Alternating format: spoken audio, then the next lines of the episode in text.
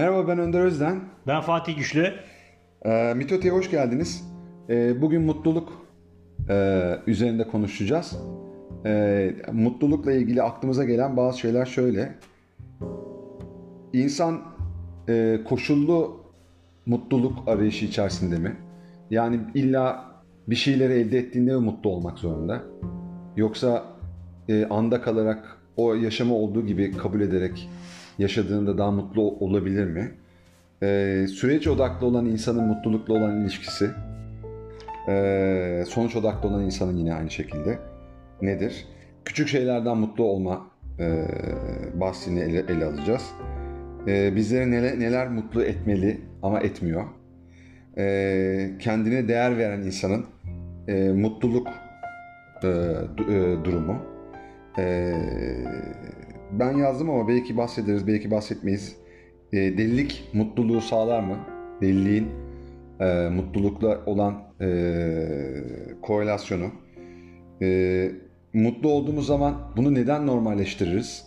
Ve aslında bahsetmeyiz, acı duyduğumuzda, acı hissettiğimizde daha çok bunu seslendiririz. Bunu konuşacağız.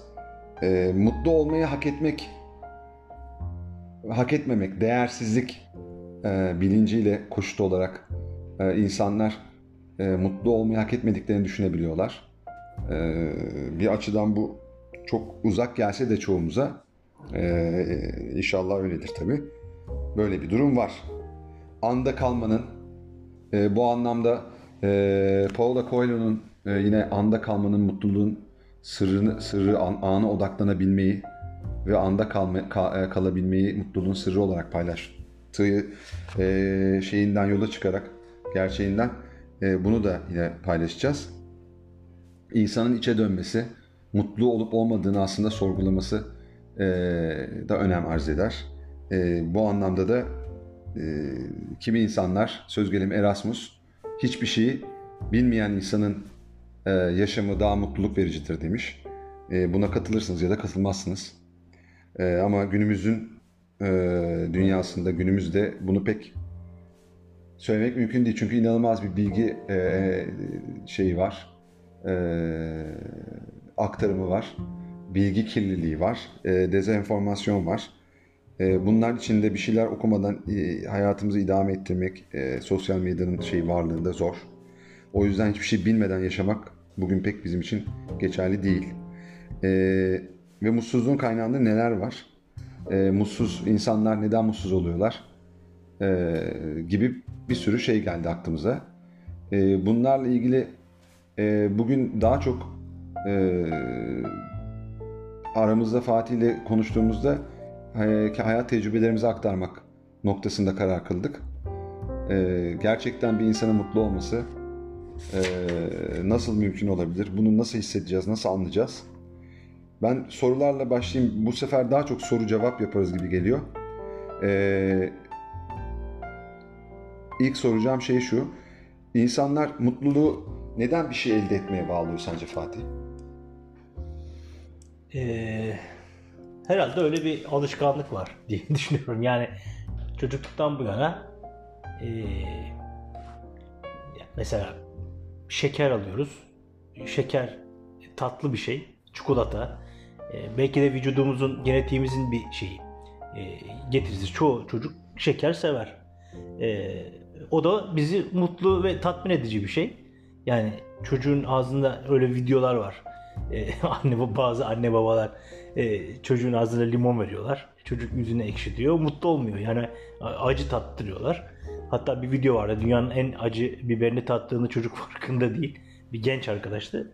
E, ağzı burnu bir tarafa gitti. Yani en sonunda kusarak o biberi çıkar. Şimdi o, o insan aslında mutlu değil o anında. Yani acı çeken bir tavrı var. Yani e, belki de insan olmanın getirdiği bir takım şeyler var. E, bazı şeyleri e, tatmin e, e, ettiğimiz zaman bazı duygularımızı veya bazı fiziksel ihtiyaçlarımızı e, bir tatmin hissi e, bizde oluşuyor veya özlem duyduğumuz şeyleri e, gerçekleştirdiğimizde e, onun getirmiş olduğu saadet e, bize mutluluk hissi veriyor. Mutluluk dediğimiz bir e, ya tam olma ya işte özlem duyduğumuz bir şeyin e, gerçekleşmesi bize o yüksek heyecanı getiren hissiyatı, mutluluğu getiriyor. Tabi bu, bu tabi çok basit anlamda bir şey tanımlama benimki.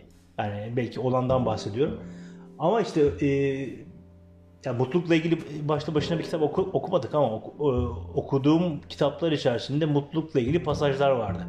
E, buradan aklımda kalan, buralardan aklımda kalan hani mutluluk aslında bir oluş hali olarak e, anlatılıyor. Yani e, senin hedeflerine ulaşman veya e, günümüzün materyalist dünyasında bir takım maddi kazanımlar e, elde etmen veya işte e, demin de söylemiş olduğum gibi çocuk e, şekeri küçükken elde ettiğinde mutlu oluyorsa o haz duygusunu tatmin ediyorsa e, büyüdüğünde de mesela istediği bir şey örneğin lüks bir araba işte e, güzel bir ev e, elde ettiğinde e, özlemine ulaşmış olduğu için bir saadet duygusu içerisine girerek mutlu oluyor gibi e, şeyler e, var, e, e, örnekler var.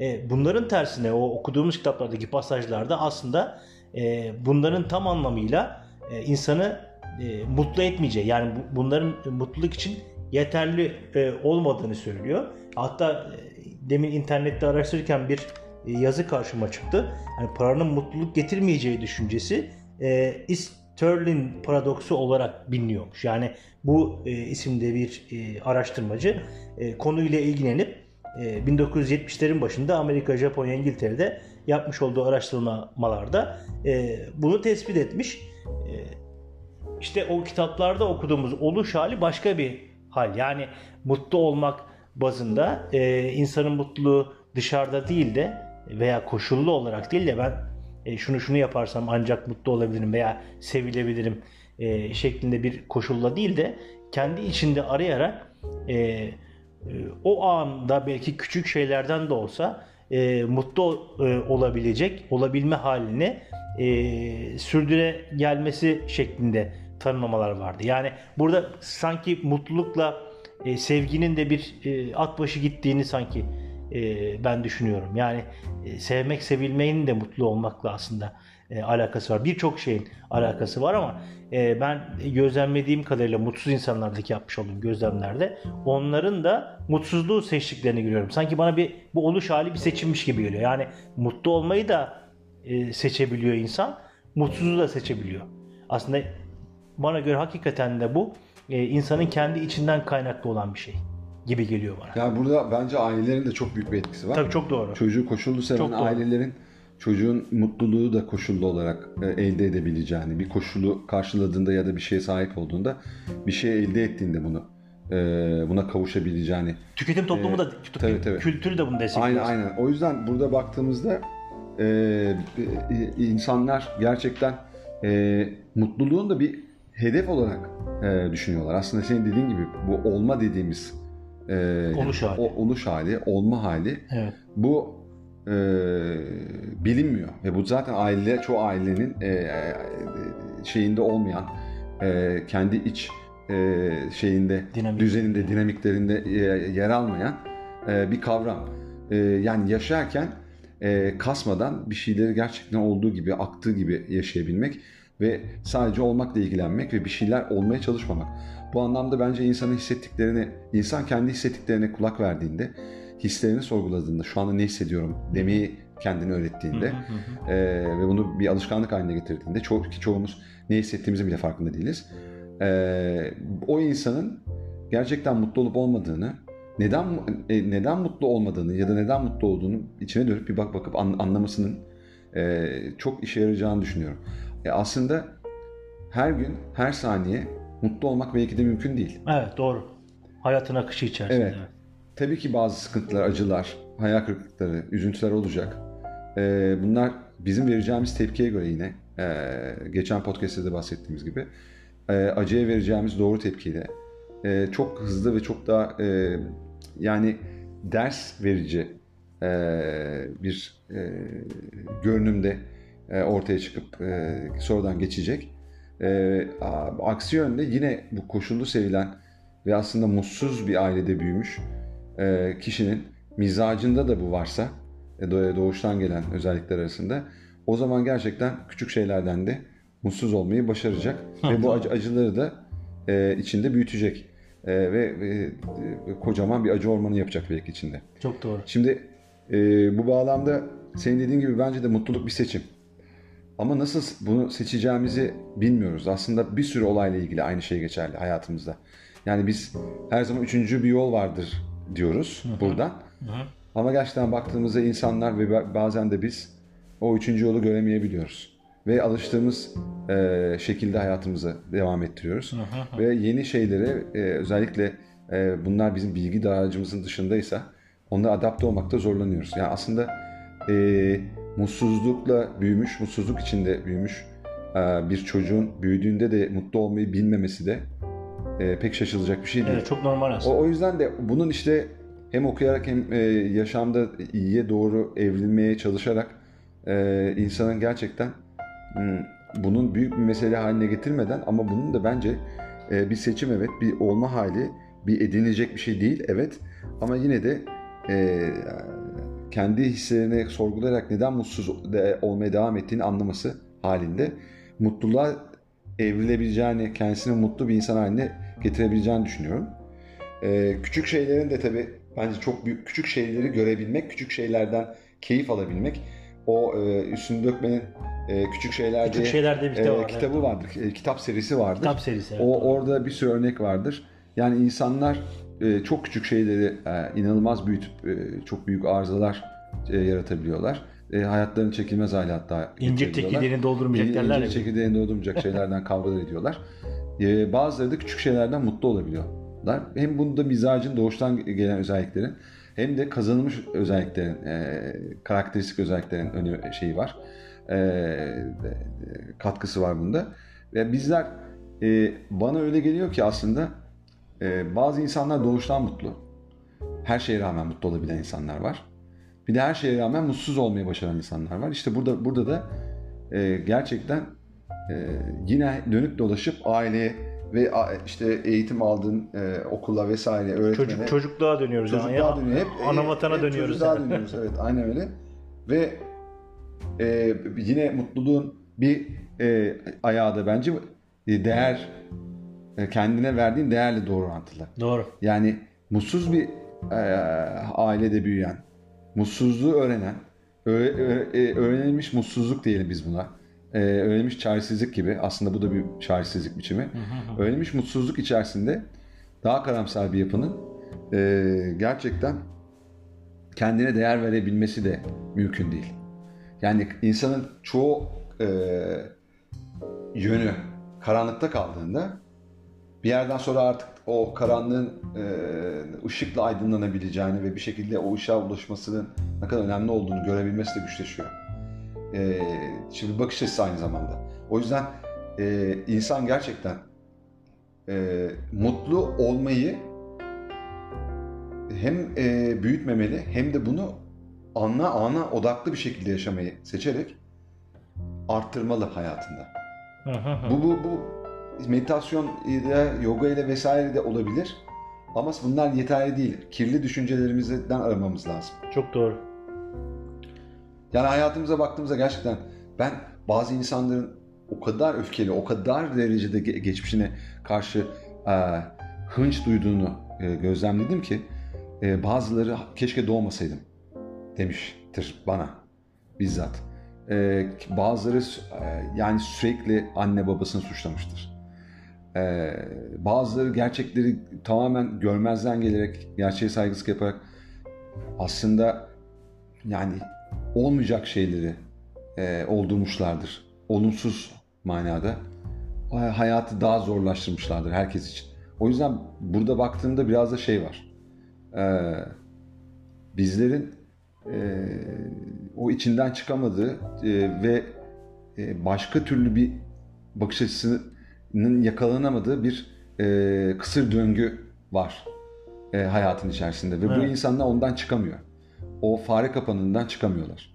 Tek bildikleri e, geçmişi, e, başkalarını suçlayarak aslında hatta işte Allah'a da aynı şekilde ona, Hı. ona da aynı Yaratıcı şekilde, gücü. yaratıcı gücü evrene de e, kar ederek bir şekilde kendilerini rahatlatmaya çalışıyorlar. Yani bir, bir mutluluğu palyatif hale getiren onu çok geçici kılan aslında bu tip düşünceler, bu tip e, toksik e, yaklaşımlar ve buna bunu bunu bu konuda da inatla bunu e, düşünmeye, inanmaya devam eden e, insanlar e, buna sebep oluyor bence. Evet yani şey de var. Savaşın da sebebi bence. Yani mitote etkisi sanki yani e, Evet. aslında bir yönüyle o mitote dediğimiz şey e, çatışmadan beslenen toplumlar yani çatışmanın devam etmesi lazım. İnsanların birbirine acı çektirmesi lazım. İnsanların hayallerini gerçekleştiremez e, bir modda olmaları lazım ki hayal kırıklıkları dolayısıyla içinde öfkeler olsun. Öfkeler çatışma yaratsın gibi o dediğin kısır döngü aslında bana göre bir mitote etkisi diye Doğru. düşünüyorum ben. Ki e, birileri bu, bunlardan e, faydalanıyor. Yani George Orwell'in dediği gibi yani devlet veya işte hükümet savaşı e, bir başka ülkeye değil kendi e, vatandaşına karşı açar ki e, onları yoksullaştırsın.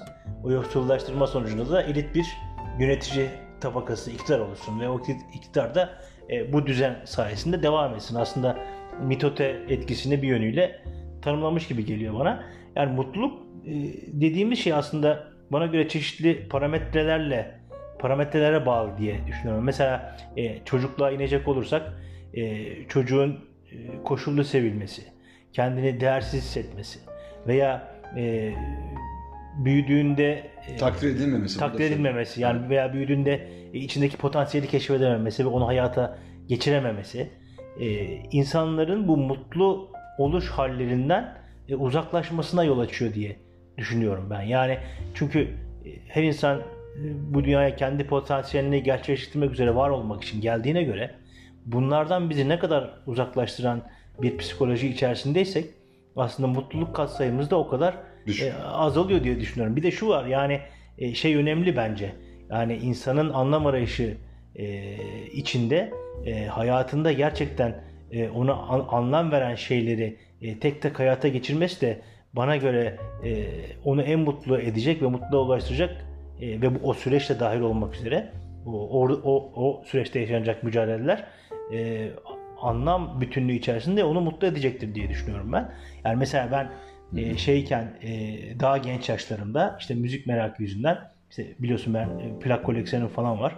E, yıllarca e, plak topladım. Her topladığım plakla da e, mutlu oldum veya o hazdan dolayı mutlu, mutlu oldum zaten veya mutlu o, o zannettim yani. E, mutluluğu o zaman. Evet yani e, veya işte e, biliyorsun e, hobileri olan bir adamım ben yani bisiklet merakım var. İşte bisikletin bir parçasını değiştirdiğimde işte yeni bir şey attığında mutlu oldum zannettim falan filan. Yani şey insan olgunlaşarak aslında bir yönüyle de kendi hayatındaki anlamı arayarak ve tespit ederek doğru bir mutluluk arayışına da girebiliyor aslında. Bu, bu da parametrelerden birisi gibi geliyor bana. Yani hazın tatmini yönünde bir mutluluk getirisi olduğu gibi aslında en büyük getiri e, bütüne yap anlamını e, hayatın anlamını keşfederek bütüne yaptığın katkı. Mesela e, benim e, şu podcast'i yaparken şu aşamada e, ben şu aşamada mut- mutluluk duyuyorum. Çünkü bütüne e, katkı yaptığım Hayrın- gibi hayrın e, dokunuyor. ha- hayrım dokunuyor hem de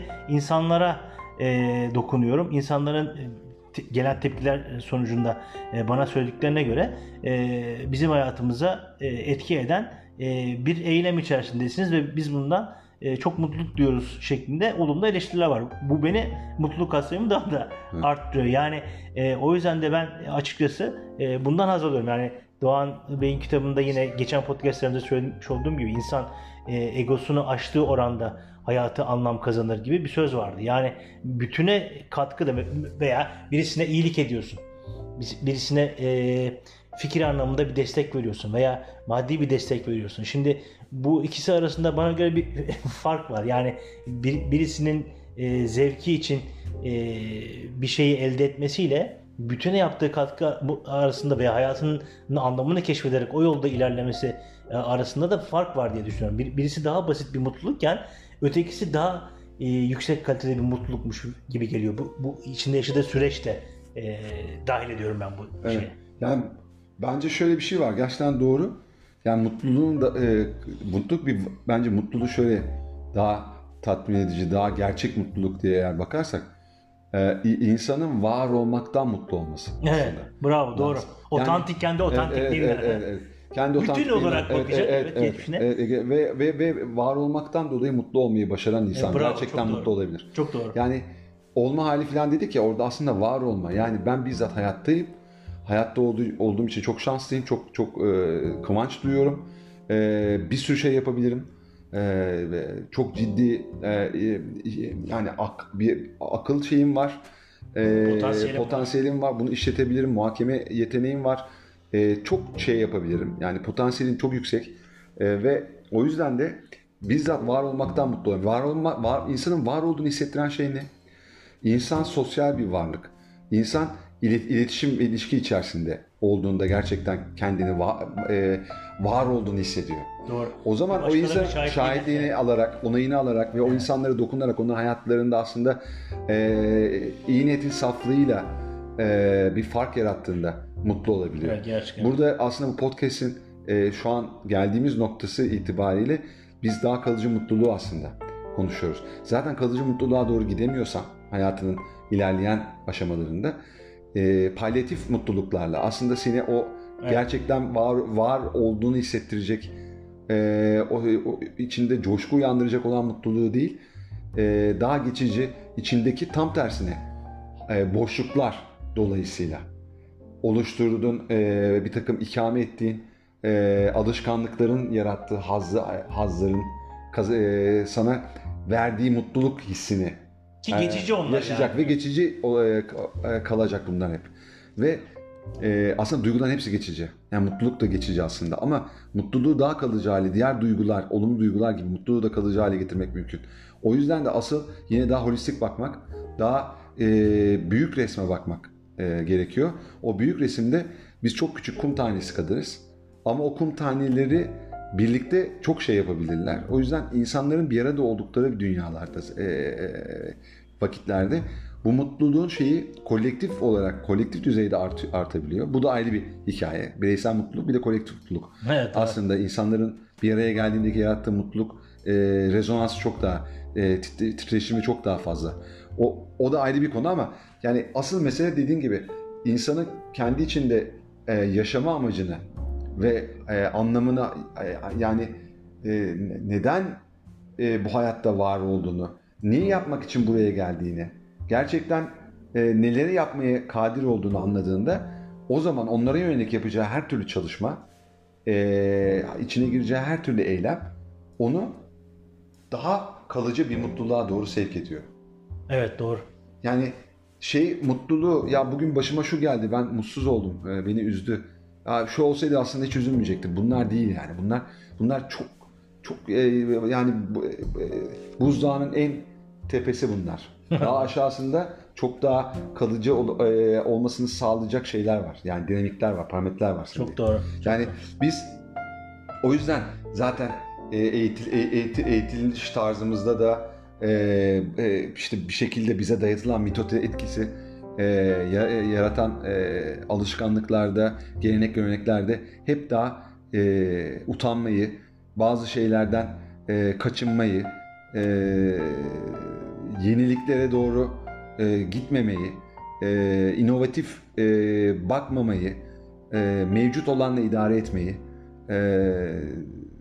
hep böyle bir şey vaziyette. Yani ağırlıklı olarak e, insanlar hep daha kötümser ve e, karanlıkta aslında hayatı e, idrak etmeye alışmışlar. O yüzden bizler tam tersini söylüyoruz. Evet doğru. Yani bunların dışına çıkabilen, bunları sorgulayıp "Bu- burada bir gariplik var diyen insanlar sadece mutlulukta değil bir sürü konuda e, okuyarak, e, felsefe yaparak e, çok daha engin bilgilere ulaşmak suretiyle e, acıyla baş etmekte olduğu gibi mutluluğu da e, büyük bir kazanım haline getirme şanslarına sahip olabilirler.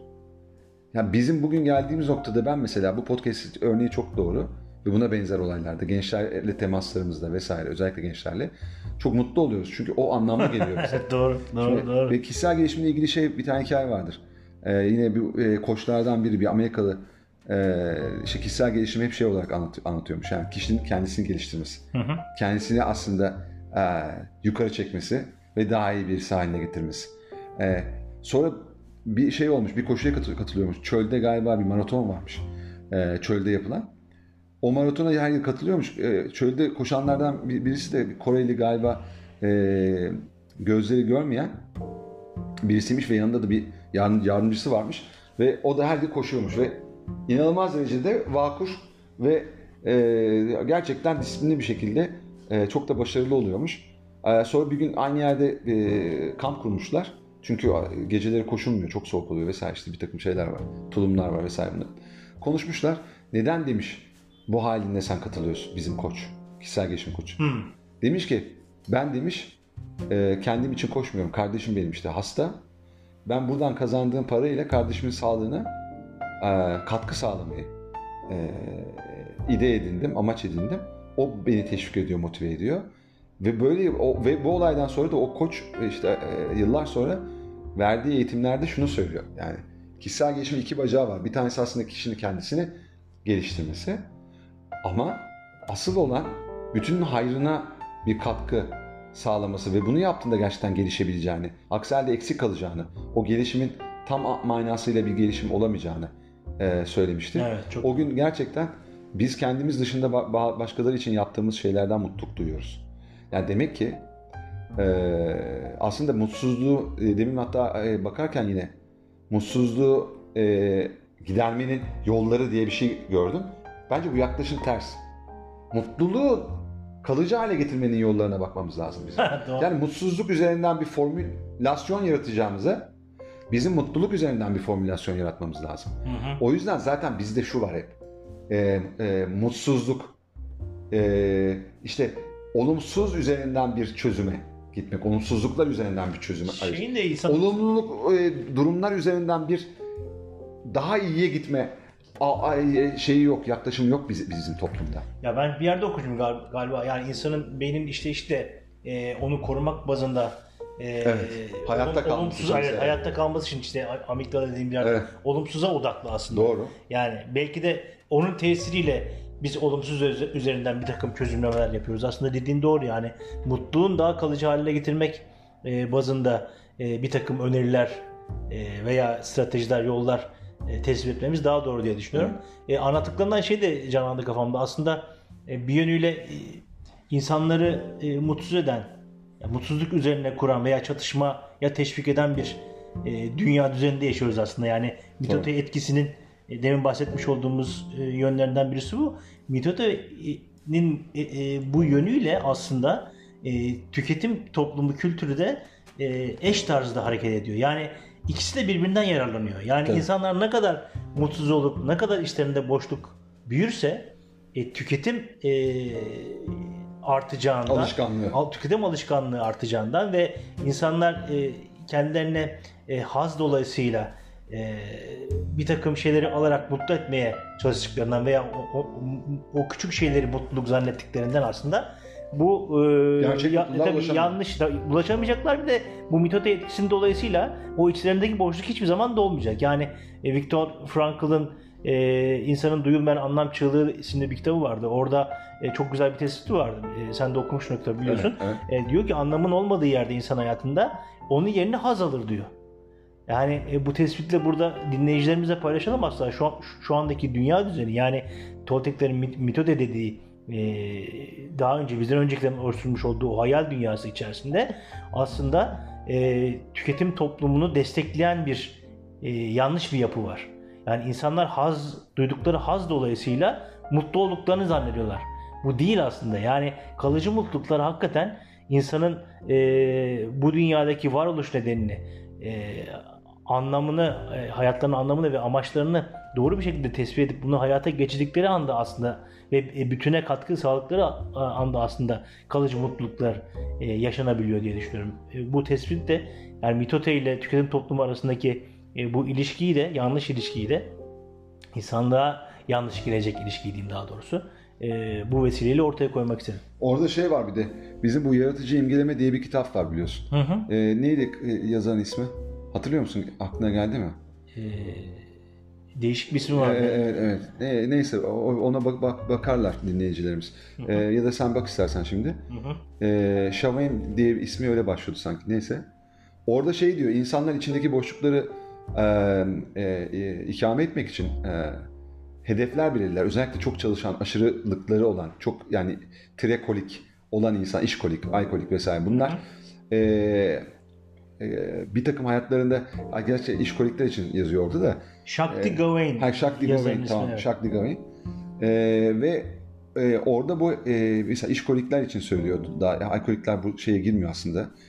Diyordu ki hı hı hı. O hedefler belirlerler ve bir sürü hedefler belirleyip o hedefleri gerçekleştirdiklerinde Hı hı. e, hayatlarını yönettiklerini, hayatlarının kont- e, kontrolü e, e, e, kendilerinde olduğunu, e, ellerinde olduğunu düşünürler. Bu onları tatmin eder. Aslında baktığımızda burada yine hedef odaklı, sonuç odaklı bir yaklaşım var. Hı. Şimdi oradan demek istediğim şey şu, insanlar aslında gerçekten hayatlarının kontrolünü e, ellerinde tutmadık, tutamadıklarını hissettiklerinde ya da e, bir şekilde bir şeyleri değiştiremediklerini hissettiklerinde Hı hı hı e, bambaşka e, yollara sapıyorlar ve orada süreci gözden kaçırıyorlar. Yani bir kişi bir kişi hayatın işe adadığında ya da bambaşka bir şey adadığında sürekli ağırlıklı olarak Hı hı hı. diğer şeylere yetişmeye, e, e, yetişmeye çalıştığında o kadar yor- yorgun olacak ki gerçekten orada kaliteli bir e, katkı sağlayamayacak. Kaliteli bir şey dikkat e, sağlayam e, veremeyecek. O yüzden orada bir bir aslında eksiklik, bir mutsuzluk söz konusu olacak. O süreci yaşayamadığı için, süreci kendisini veremediği için. Evet doğru. Yani çalıştığımız e, e, zamanda e, ba- başka bir şey yaptığımız zamanda aslında o anda bulunduğumuz anın gerçekten tam olarak du- e, duyumsayarak, hissederek yaşamamız da mutluluğu bize getirecek olan şeylerden biri. Evet doğru. Yani e, bir şey eksik olan şeyleri e, e, e, kontrol edemediğimizi düşündüğümüz için kötü hissettiğimiz anlarda hayatı bir şekilde hedeflerle ve sonuçlarla e, ölçmeye çalıştığımızda başarılı başarısız e, olduğumuzu e, ö- ö- ölçmeye çalıştığımızda biz mutlu olamayacağız. Biz ancak o sonuçları evet her zaman sonuç hedef belirlememiz lazım. Onlar bir şeyleri gerçekleştirmek için de yaratıcı imgeleme bahsinde de bu gerekli. Fakat süreçte kalarak o hedefi gerçekleştirmeye çalışmamız lazım. Yani sonuca giden her yol mübahtır yaklaşımını bir kenara koyup süreçte ne kadar kaliteli, ne kadar anlamlı, ne kadar e, hayata dokunan şeyler yaptığımıza bakarak, çocuğumuza geçirdiğimiz zamanı, iş, işte harcadığımız zamanı e, ve e, insanlarla iletişimde olduğumuz zamanları ne kadar iyi geçirdiğimizi. Kaliteli zaman deniyor. Tabii evet. bu, bu, bu, bu, bu- burada e, demek istediğim mutluluğun en önemli kaynaklarından biri e, süreci odaklı yaşamak. Evet doğru. Ya bu, bu bahis altında sonuç odaklı mı, süreç odaklı mı e, yaşamak daha iyidir mutlu olabilmek için diye sorulur ise bunun cevabı bana kalırsa süreç odaklı yaşamak halinde. Doğru. Yani duyumsuyorsun, daha nefes, daha iyi nefes alıp veriyorsun. Bir şeylere koşturmuyorsun deli gibi. Hayat senden beklenenleri yerine getirmen veya öyle olduğunu zannettiğin şeyleri sürekli en hızlı tempoda yerine getirmen gereken bir e, şey değil.